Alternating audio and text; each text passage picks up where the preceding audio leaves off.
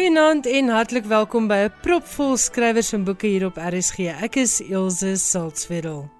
Vanaand kan jy uitsien na Johan Meiburg in sy gewone hoedanigheid as weeklikse bydraer wanneer hy gesels oor die wenners van die Booker International en die Dublin Letterkundepryse en hy gesels ook oor 'n nuwe boek deur die Turkse skrywer Orhan Pamuk. Maar dan plaas ek vir Johan aan die ander kant van die mikrofoon wanneer ek hom uitvra oor sy nuwe digbundel Narreskip wat met groot lof ontvang is deur verskeie resensente. Kollega Ina Strydom het goeie nuus vir luisteraars wat opsien na die koue wintersaande en wens hulle het 'n lekker storie gehad om na te luister. Lesers wat hou van inspirerende ware verhale moet ook nader skuif want Elsje van Jaarsveld gaan gesels met Steven Leroux oor sy boek Toy van Karnavon. Dan is daar ook nog 'n radiodrama Slypklas en hierdie keer gesels Ina Strydom oor die ontwikkeling van die storie. Ek hoop jy geniet vanaand se program.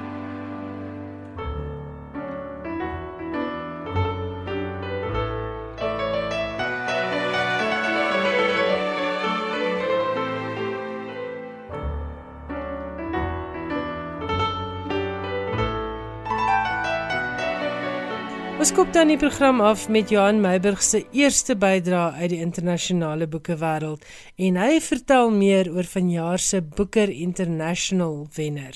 Met die aanwys van Tomb of Sand, die roman van Gitanjali Shri as die wenner van die Booker International, is gewis geskiedenis gemaak.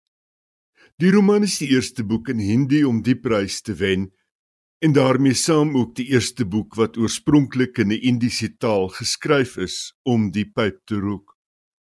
Daarby is dit nie net Tilted Access Press, die onafhanklike uitgewer wat die boek uitgegee het, se eerste boekeroorwinning nie, maar ook die eerste keer dat die uitgewer op die lang en kortlys was. Die roman is vertaal deur Daisy Rockwell En soos dit praktyk is, word die prysgeld van net minder as 1 miljoen rand gelyk verdeel tussen die skrywer en die vertaler. Net vir volledigheid, die Booker International is die prys wat jaarliks toegekend word aan boeke wat in ander tale as Engels verskyn het en in Engels vertaal is. Tomb of Sand is die verhaal van 'n 80-jarige vrou wat na die dood van haar man diep neerslagtig raak en dan tog wel nadat sy uit haar depressie gekom het, besluit om na Pakistan te reis en die spooke van die verlede te gaan trotseer. Ondanks die gegewe het Frank Wynne, sameroeper van die beoordelaarspaneel, die boek beskryf as hoogs vermaaklik. Ondanks die gewigtige kwessies wat in die boek ter sprake kom, is die roman charmant en maklik om in te kom, het hy gesê. Hy het die boek trouens beskryf as die ideale boek vir 'n somervakansie. In ag genome dat dit nou in die noordelike halfrond somer is. Shree drie romans en verskeie bundels kortverhale agter haar naam. Hoewel Tomb of Sand haar eerste boek is wat in die Verenigde Koninkryk gepubliseer is. Rockwell is 'n skilder, skrywer en vertaler wat in Vermont in die VSA woon 'n reeds heel party boeke uit Hindi en Urdu vertaal het. Win, self 'n vertaler, het Rockwell se vertaalwerk as uitmuntend beskryf, veral omdat Shri in haar oorspronklike teks so steun op woordspel, klank en intonasie. Win het in 'n onderhoud met The Guardian gesê klein onafhanklike uitgewers het 'n leeue aandeel daarin om vertaalde werk by lesers uit te kry. Daar is 'n opvatting dat vertaalde werk per se moeilik is. Maar dit is nie waar nie, het hy gesê. Dis hoegenaamd nie moeiliker as enige ander boek nie. Soveel as 135 boeke het vanjaar meegeding om die Booker International. Op die kortlys was daar ook The Books of Jacob deur Olga Tokarczuk, en vertaal deur Jennifer Croft, 'n tweetal wat reeds voorheen die prys verower het. Dankie Johan Meiburg. En bly sommer net daar agter die mikrofoon want vanaand gesels ek met jou as Hertzogprys bekroonde digter en kollega. Baie dankie dat jy met ons gesels oor jou nuwe bundel Narreskip. Net vir luisteraars so 'n bietjie agtergrond oor Johan, sy 1984 debuutbundel Vlugskrif is 10 jaar later opgevolg deur Kontrafak waarvoor hy met die Eugène Maree Prys bekroon is. In 2008 was daar 'n derde digbundel getiteld Kamermusiek en in 2017 het Uittogboek verskyn. Dis nou die bundel waarmee hy die Hertzogprys verower het. En soos ek gesê het, vanaand gesels ek met Johan oor Narreskip wat onlangs by Protea verskyn het. Johan, baie welkom. Dankie dat jy met my gesels. As 'n mens nou kyk na jou publikasielys, het Narreskip baie korter op die hakke van sy voorganger verskyn. Wat my bring by my eerste vraag: Hoe voel dit om 'n Hertzogprys te wen? Dis 'n groot prys. Is dit 'n aanmoediger of dalk in 'n mate 'n inhibeerder? omdat 'n mens dalk voel hoe verbeter ek nou op soveel geroemde bundel en so groot prys. Hallo Ilse, ja baie dankie. Dit is nogal vreemd om as dit ware nou hierdie kant van die mikrofoon te sit. Maar dankie vir jou gelukwensing. En ja, ek dink 'n uh, prys is altyd 'n aanmoediging en ek dink 'n mens het altyd aanmoediging nodig. Of die prys in die berend was, ehm uh, Wel, uh, ek ek dink ek dink dit spreek vir sigself, maar ek dink nie dit het my tot swye gedwing nie. Trouwens, as 'n mens kyk na uh, die die tempo waarteen ek uh, gepubliseer het tot dusver, was dit 10 jaar plus tussen poses en toe nou 5 jaar wat vir my nogal um vinnig is.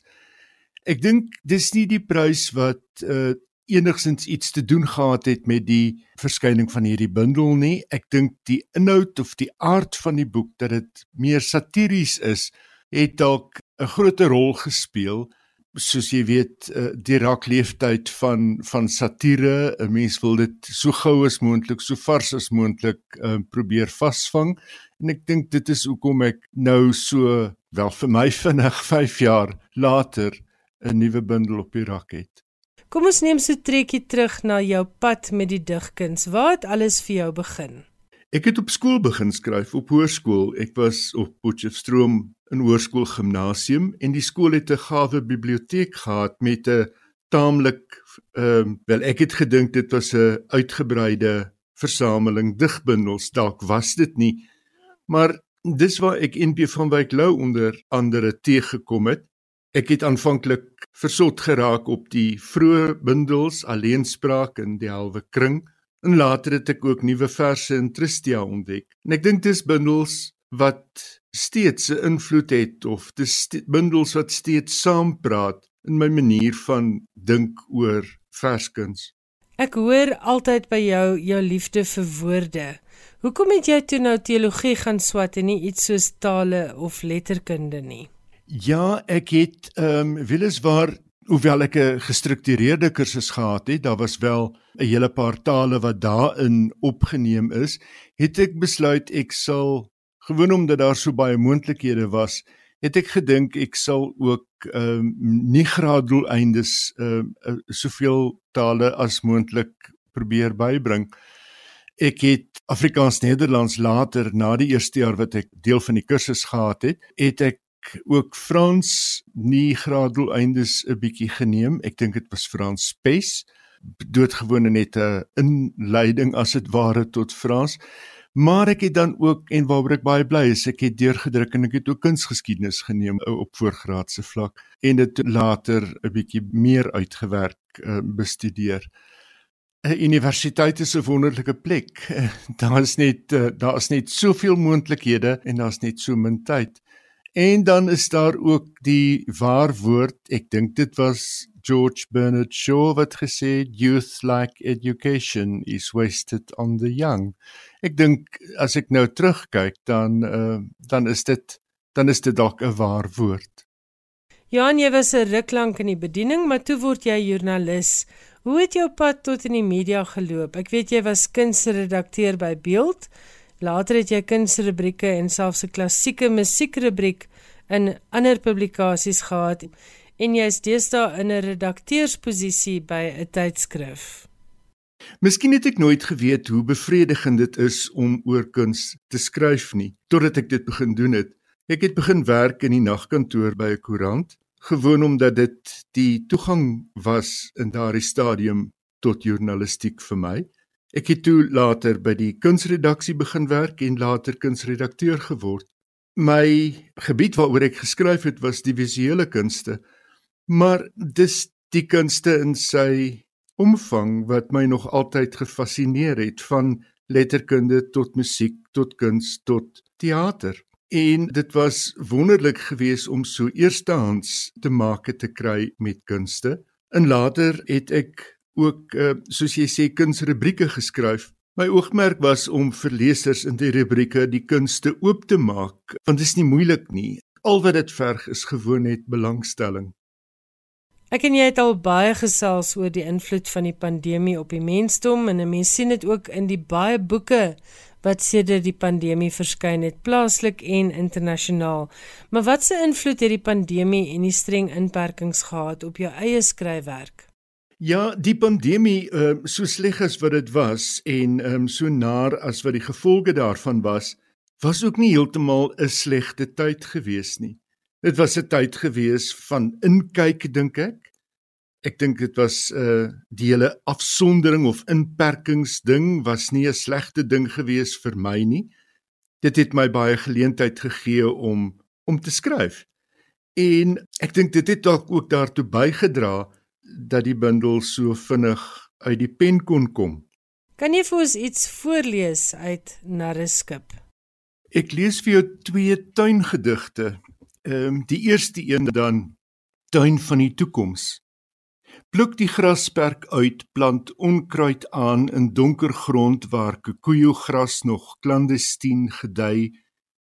Onverpoost risome met bleek wortels stoot op soek na vog om ongemerk 'n rag te sprei. Pluk alles uit, wortel en tak, al die ranke wat jare lank inhalig en vertakkend al wat perke kon oorskry. Plant gewasse met blare wat jy as marog kan kook. Oorpeeltjie, kiesieblaar, nastergal, wielige amarant, ook nog koertjie, karkoer en laloentjie berei met gekapte grondbone. Plant peulgewasse, lupine en perswieke vir maar jare vermaal en bak van brood soos die wat Sint Bernard van Clairvaux met monnike gebreek het in die groot hongersnood 900 jaar gelede. Berei op laas 'n veld vir asvodel, voorkeurknol van die armes. Plant dit in begrafplase vir die met die perpetuele boggerol. En dan lees ek Handleiding 2 Na die hand is ek geleer gelei om na te doen, om na te aap, om alles aan die groei te hou, selfs al sak 'n winterslaap oor die tuin, om van die stil geheimenis dan iets te snap, om jong struike en tenger tak met dekgrasse met lap toe te maak, gelowig te wag op die groei seisoen, op bot en blom op eglantier wat lote stoot in liefde bloeiende tot wasdom kom.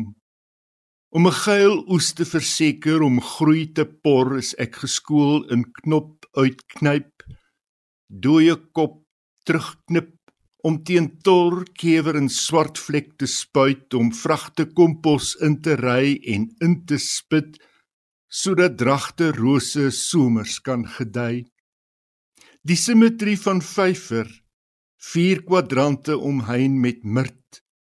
Twee riviere en geharkte paadjies wat onder skoensool girt is aangelê.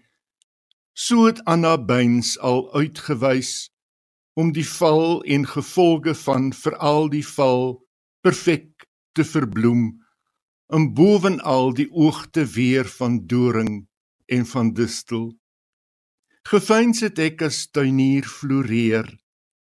Geglo met sweet des aanskyns kan die plek 'n lussel wees. kan ek met geboor rug en harde werk jaar na jaar wys hoe vrugbaar beddings eintlik is.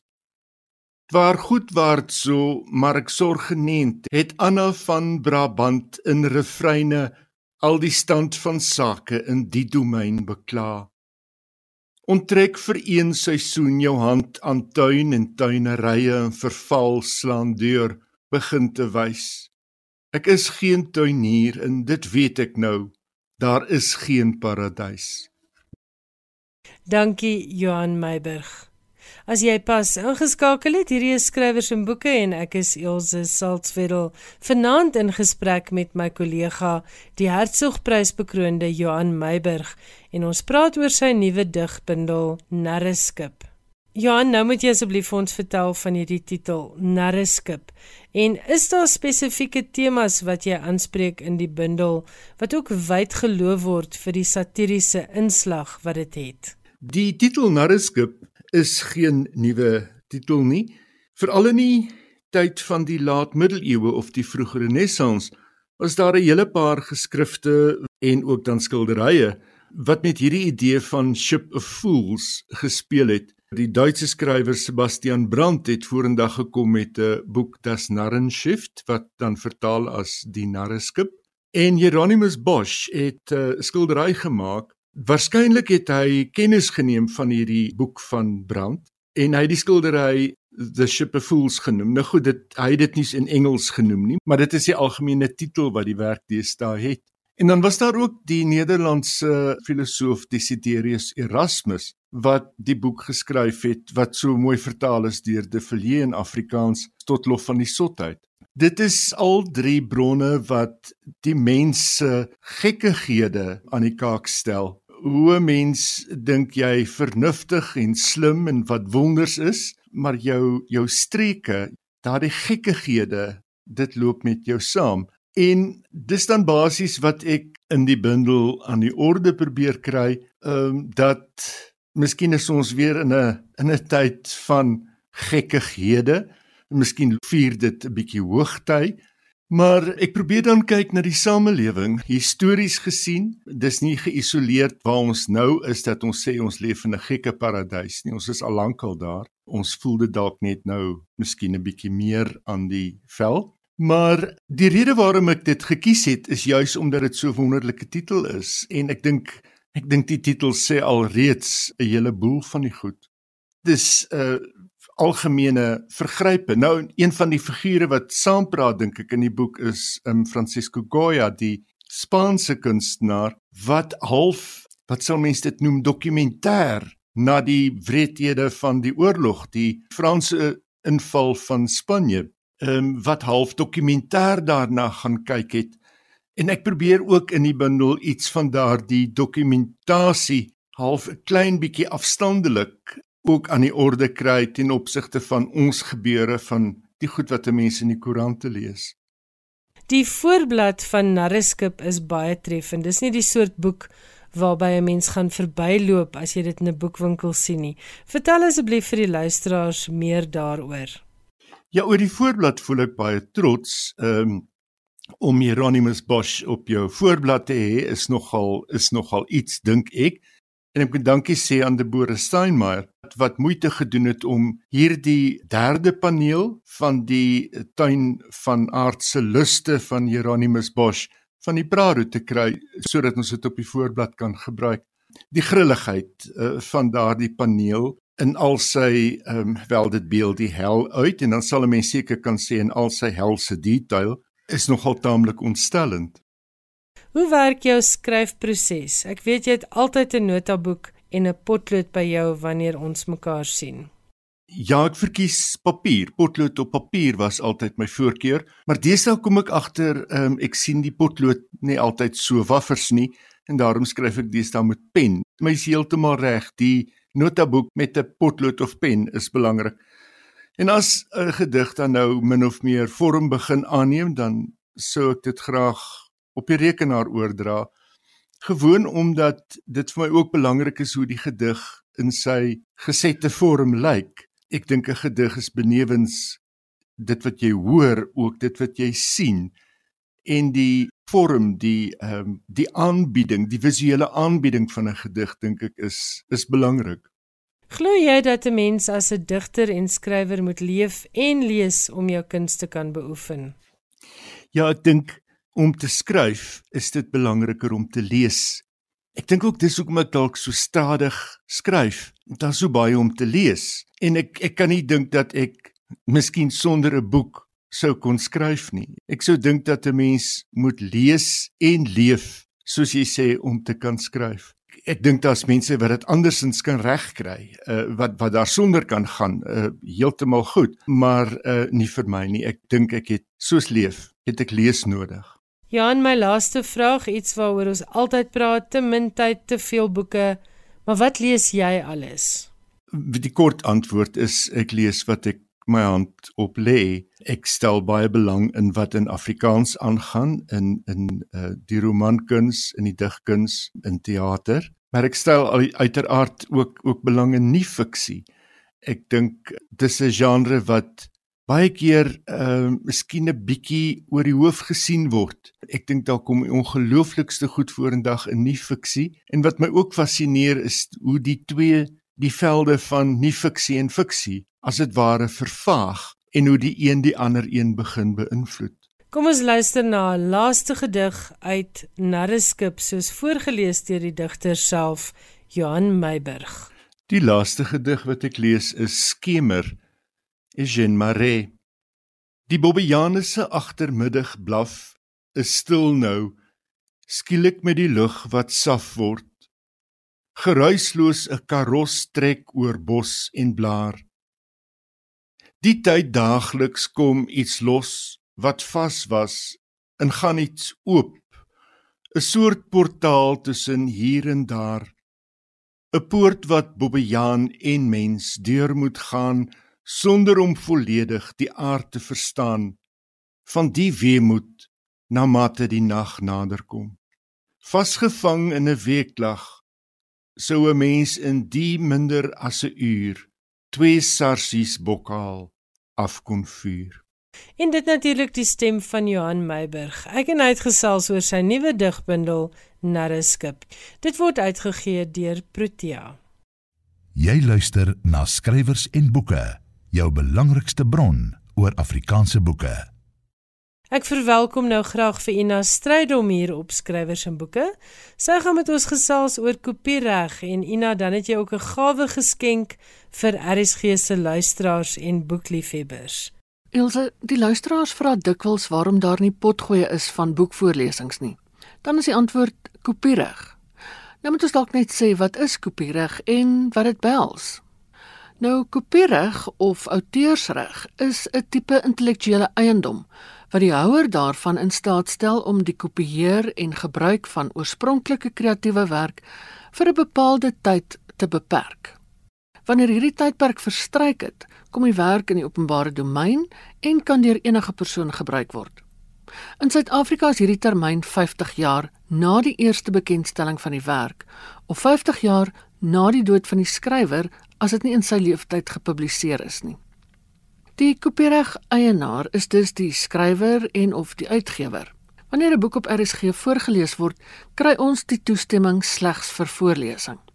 Om kopieë, soos byvoorbeeld potgoeie, van die voorlesings te maak, val buite hierdie toestemming en sou dus 'n skending van die kopiereg wees.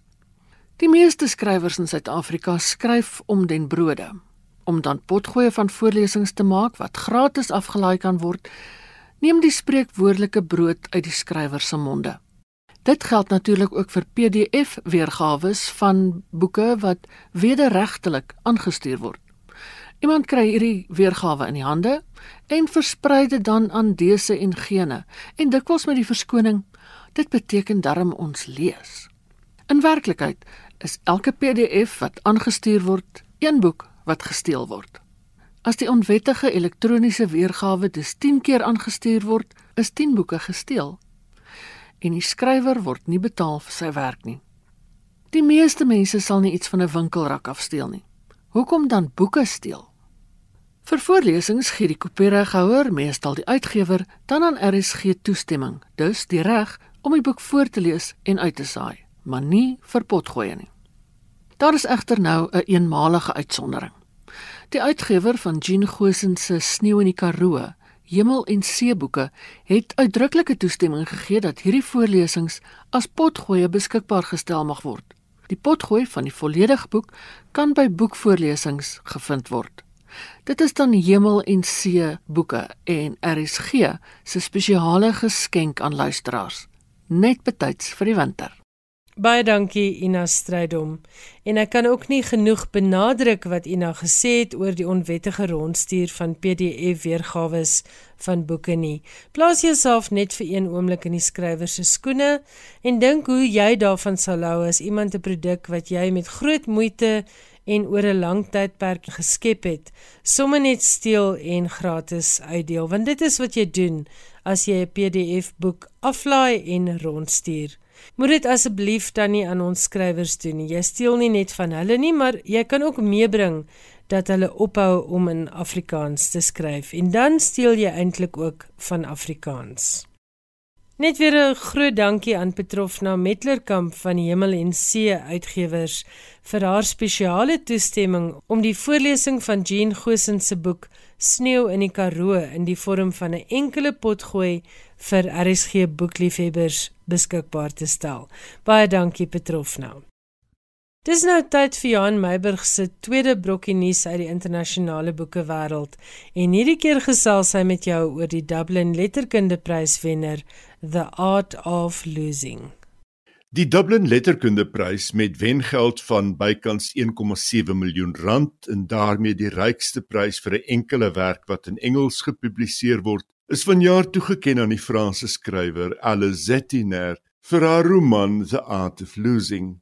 Die boek is vertaal deur Frank Wynne, die einste man wat ook die sameroeper was van die Booker International.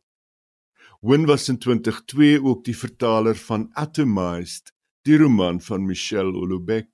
Die Dublin Prys is in 1996 die eerste keer toegeken toe aan David Malouf vir sy roman Remembering Babylon. 'n Vertaalde boeke kom ook in aanmerking. In die geval van 'n vertaling word die prysveld dan gedeel tussen die skrywer en die vertaler. Meer as 400 biblioteke in 177 lande kry jaarliks geleentheid om boeke te benoem vir die prys. En uit die benoemings word 'n kortlys opgestel deur 'n paneel beoordelaars. In die oorspronklike Frans was Zetiner se roman onmiddellik 'n treffer. Die verhaal gaan oor Naima, 'n jong Franse vrou wat die Algerynse kant van haar familie ondersoek. In die ondersoek kom die burgeroorlog in Algerië ter sprake en sou ook die Algerynse meelopers wat hulle aan die kant van die Franse geskaar het. Die boek word beskryf as deels volksverhaal, deels filosofie en deels 'n boek wat 'n mens nie kan neersit nie. Toe ek die boek geskryf het, was ek byna oortuig dis 'n roman vir 'n nismark, het Zetiner gesê. Maar die boek het my 5 jaar nadat dit uitgereik is, telke male al verras. Ek is nou weer verras deur die Dublin Prys wat bevestig het dat die verhaal ook betekenis kan hê vir lesers wat buite die Frans-koloniale ryk groot geword het, selfs by lesers wat nog nooit eers oor Algerië gedink het nie. Ali Zettiner se roman The Art of Losing, vertaal deur Frank Wynne, word uitgegee deur Pan Macmillan. Dit was Johan Meiburg en hy het gesels oor The Art of Losing.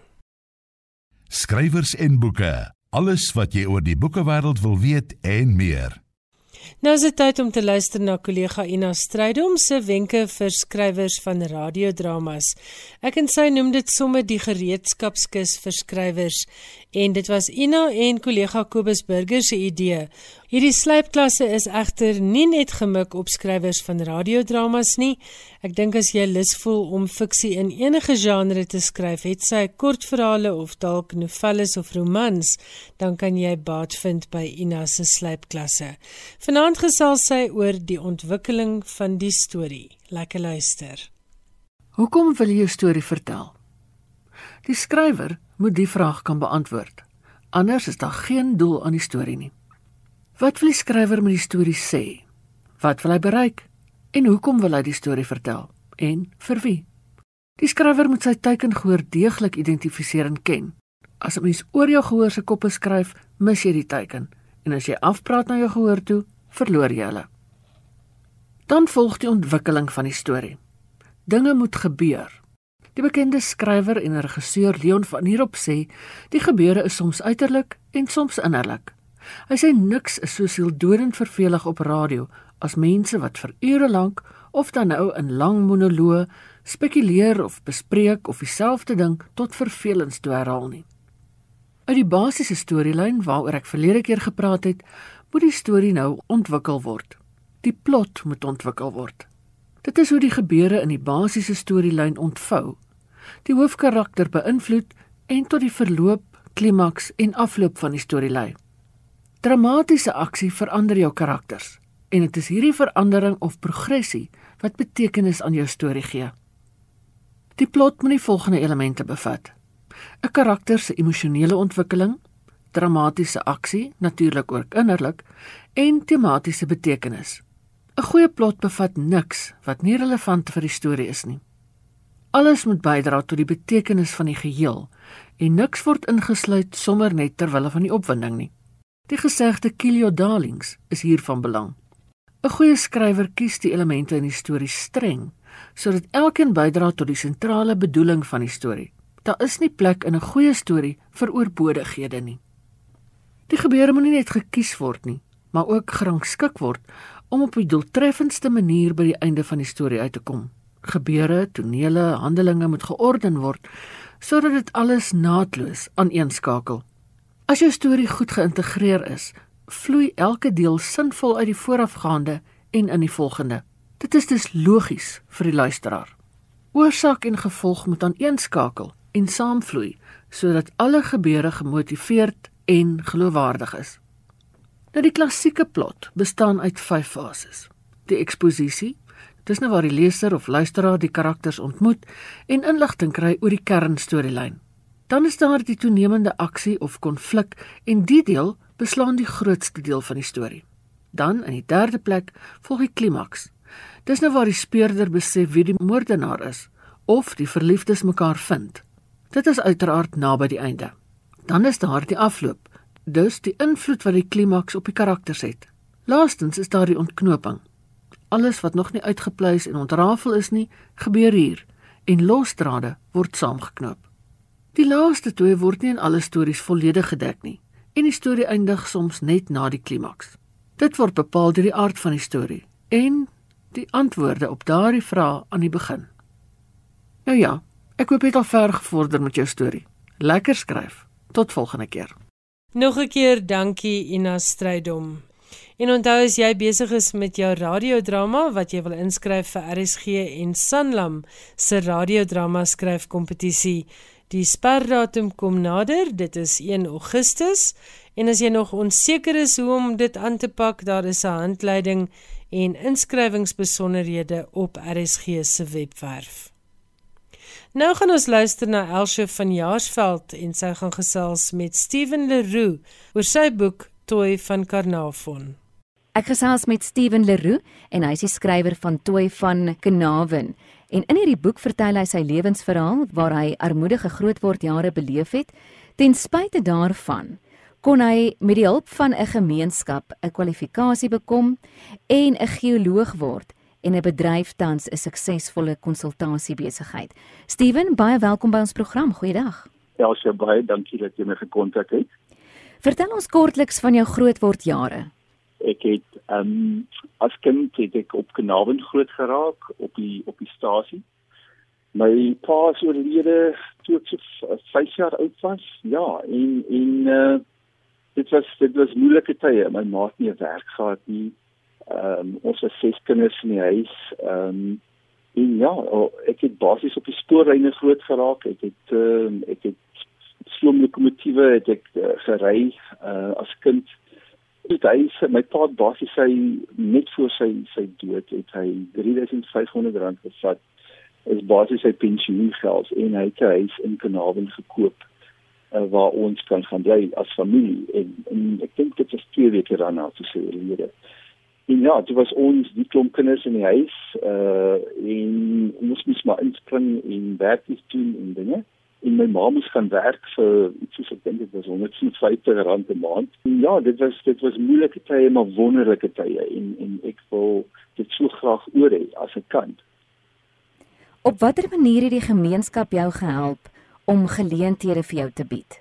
Die die Karoo gemeenskap wil ek amper sê is is is heeltemal anders as mense wat sit al op politieke op ander plekke.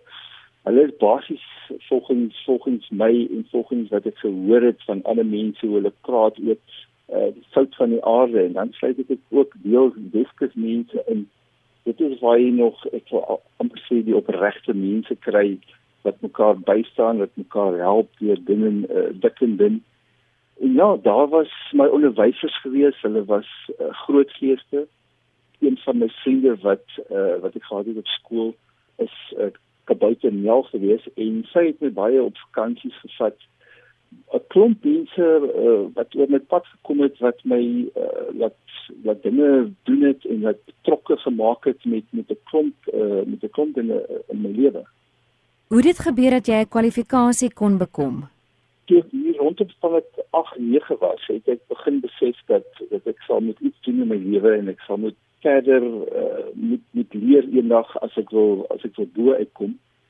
En ek het ehm um, gaan sit in een een middag ek dink dit was 'n sonndagmiddag op my bed en ek het 'n klomp uh, of 'n brief opgetrek wat ek aan Jen en erg gestuur het in aan Anglo American.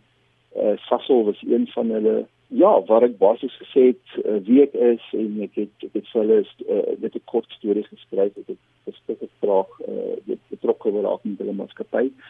En 'n paar weke later het het Sasol my gekontak en hulle het my 'n beurs gegee uh, wat ek ewiglik voor dankbaar is en ehm um, ja, hulle het hulle het basies my op my pad geplaas.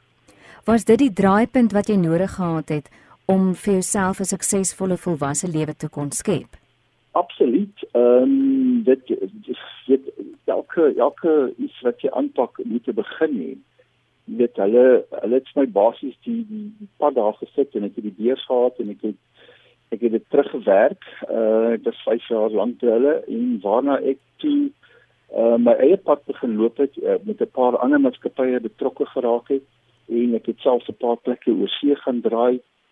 Alles was, was net wonderlik vir my uh, uitgewerk en ek het later as ek so 10 12 jaar terug het ek konsulterend geraak.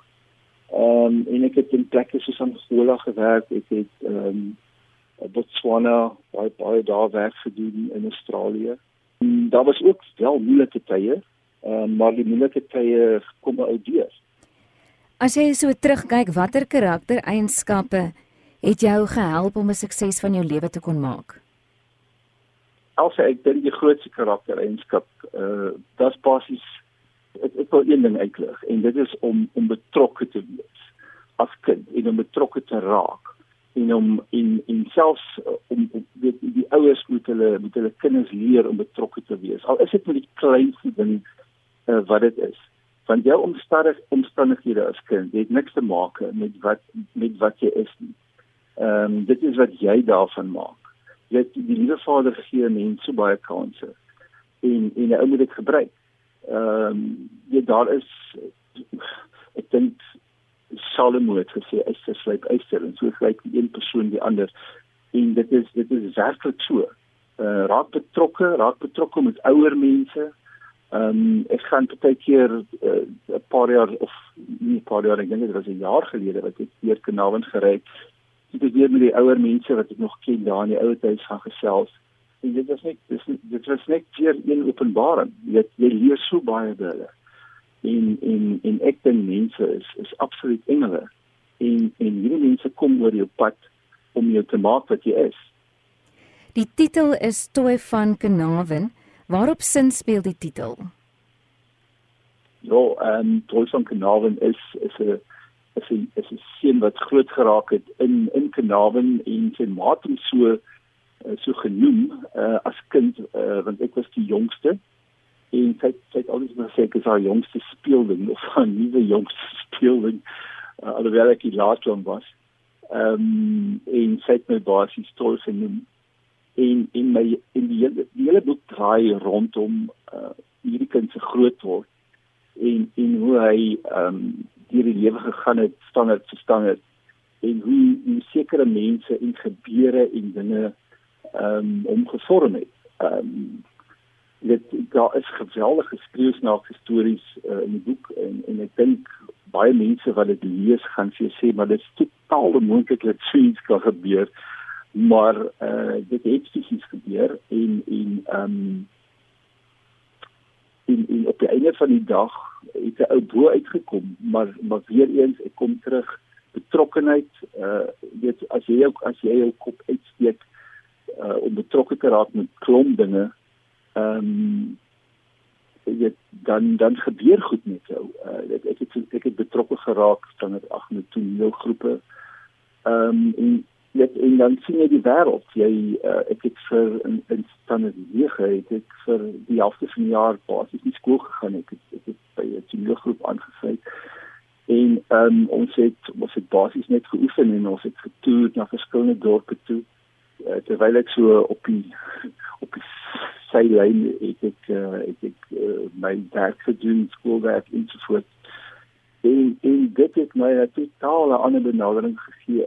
Ehm um, terwyl ek ook nog rugby gespeel het en al die dinge en mense het gedink ja jong van my van my vriende het gesê hoe kan jy dit doen? Dit is so seks amazing maar ongelukkig genees uh, ek is vandag so bly dat ek dat ek betrokke geraak het met met alles wat ek wat ek kon uh, en dit het my gevorm Het jy nog kontak met die mense van Kanawen wat jou gehelp het om suksesvol te kan wees? self ja ek het ek het kontak met ehm um, op letnik eh uh, het mense eh, 'n uh, paar dinge al genoem met wie ek nou weer intussen kontak gemaak het vir al oud onderwysers ehm um, en daar was vir alle onderwysers meneer Hurter hy was 'n skoolhoof ehm um, met hom het ek nog kontak ehm um, ons raai nou en dan 'n paar WhatsApp boodskappe uit ehm um, Tanika Bouter, dit was een van my grootste vriende, uh, Woronel wat ongelukkig dood is in 'n moederfietsongeluk. Ehm um, die kan nie leef nog en ek sien haar as my basies my tweede ma. As ek weer die dorp ry, dan gaan ek na haar toe en ek gaan gesels met haar. Dit is nie moeilik deesdae om om om ou mense te besoek in 'n ou huis as gevolg van COVID. Ehm um, dit was so prosedures en dinge en, en ja, maar almal ken my gelukkig daar en um, ons ons het nog kontak en dan 'n paar skoolvriende uh, waarmee ek kontak het. Baie dankie en so gesels Steven Leroux en hy is die skrywer van Toy van Kanawen. Dis basies sy eie lewensverhaal wat hy uitpen, 'n armoedige grootword jare wat hy geken het, later baie suksesvol in die privaat sektor. Dankie aan Elsje van Jaarsveld vir daardie bydrae oor Toy van Karnavon. Nou gaan Johan Meiburg vir ons finansies skrywers en boeke afsluit met 'n bydrae oor 'n nuwe boek uit die pen van die Turkse skrywer Orhan Pamuk. En jy kan ook luister na 'n stemopname waarin Pamuk voorlees uit sy boek Istanbul: Memories and the City. Van Orhan Pamuk, die Turkse skrywer wat in 2016 Nobelprys vir letterkunde verower het en in 2003 die Dublinprys gewen het met sy roman My Name is Red verskyn later vanjaar 'n nuwe boek. Iets van 'n speurverhaal en iets van 'n historiese roman. Die boek heet Nights of Plague en versin 'n plaag wat woed op 'n fiktiewe eiland in die destydse Ottomaanse ryk. Dis April 1900 en op die eiland met die naam Mingeria is die helfte van die inwoners moslem en die ander helfte Grieks-ortodoks. Die spanning tussen die twee partye loop hoog en dan breek daar boonop ook nog 'n plaag uit. Die oorsprong is nie duidelik nie. Dalk het dit saam met pelgrims gekom wat teruggekeer het van Mekka of dalk is dit handelsvaartuie van Alexandrië wat dit aangebring het. Die Ottomaanse sultan Abdul Hamid II kondig 'n kwarantynetydperk af en van die geestelike leiers weier om te voldoen aan die inperkingsmaatreëls. En dan is daar boonop 'n moord. Die plaag versprei en eindelik word die eiland geïsoleer en is die inwoners aan hulle eie lot oorgelaat. Dit klink voorwaar na 'n boek om na uit te sien. Die boek word uitgegee deur Penguin en sal in September beskikbaar wees. As 'n voorspraak, hier is Orhan Pamuk met 'n voorlesing uit Istanbul Memories in the City, vertaal deur Maureen Freely. Here we come to the heart of the matter. I have never left Istanbul, never left the houses, streets, and neighborhoods of my childhood. Although I've lived in other districts from time to time, 50 years on, I find myself back in the Pamuk apartments where my first photographs were taken and where my mother first held me in her arms to show me the world. I know this persistence owes something to my imaginary friend and to the solace I took from the bond between us but we live in an age defined by mass migration and creative immigrants. And so I'm sometimes hard pressed to explain why I have stayed not only in the same place, but the same building. My mother's sorrowful voice comes back to me. Why don't you go outside for a while? Why don't you try a change of scene, do some traveling? Conrad, Nabokov, Naipaul, these are writers known for having managed to migrate between languages, cultures, countries, continents, even civilizations. Their imaginations were fed by exile, and nourishment drawn not through roots, but through rootlessness. Mine, however, requires that I stay in the same city, on the same street, in the same house, gazing at the same view. Istanbul's fate is my fate. I am attached to this city because it had made me who I am. Flaubert, who, had, who visited Istanbul 102 years before my birth, was struck by the variety of life in its teeming streets. In one of his letters, he predicted that in a century's time it would be, Istanbul would be, the capital of the world. The reverse came true. After the Ottoman Empire collapsed, the world almost forgot that Istanbul existed. The city into which I was born was poorer, shabbier and more isolated than it had ever been its 2000 year history. For me, it has always been a city of ruins and, a, and of end of empire melancholy. I've spent my life either battling with this melancholy or, like all Istanbul's, making it my own. At least once in a lifetime, self reflection leads us to examine the circumstances of our birth why were we born in this particular corner of the world on this particular date? These families into which we were born, these countries and cities to which the lottery of life has assigned us, they expect love from us. And in the end, we do love them from the bottom of our hearts. But did we perhaps deserve better? I sometimes think myself unlucky to have been born in an age in an aging and impoverished city buried under the ashes of a ruined empire. But a voice inside me always insists that this was really a piece of luck. If it were a matter of wealth, then I could certainly count myself fortunate to have been born into an affluent family at a time when the city was at its lowest ebb, though some have ably argued the contrary. Mostly, I'm disinclined to complain I've accepted the city into which I was born in the same way I accepted my body, much as I would have preferred to be more handsome and better built, and my gender, even though I still ask myself naively whether I might have, I might have been better off had I been born a woman. This is my fate, and there is no sense arguing with it. This book is about this fate. Dit was Oran Pamuk, die Nobelprysbekroonde skrywer. Hy het voorgeles uit sy boek Istanbul Memories and the City. Dit bring ons dan aan die einde van se skrywers en boeke. Baie dankie dat jy saamgekuier het. Volgende Woensdag aand maak ons weer so en dan gaan Suzette Kotse Meiber gesels met die misdaadroman en jeugroman skrywer Hannes Barnard. Tot dan, ek wens vir jou 'n mooi en 'n gesonde week toe en natuurlik soos altyd 'n klomp fantastiese leesstof. En onthou van ons bonuspot gooi Jean Gosens se sneeu in die Karoo wat jy op ons potgooi skakel op die webwerf gaan kry onder boekvoorlesings.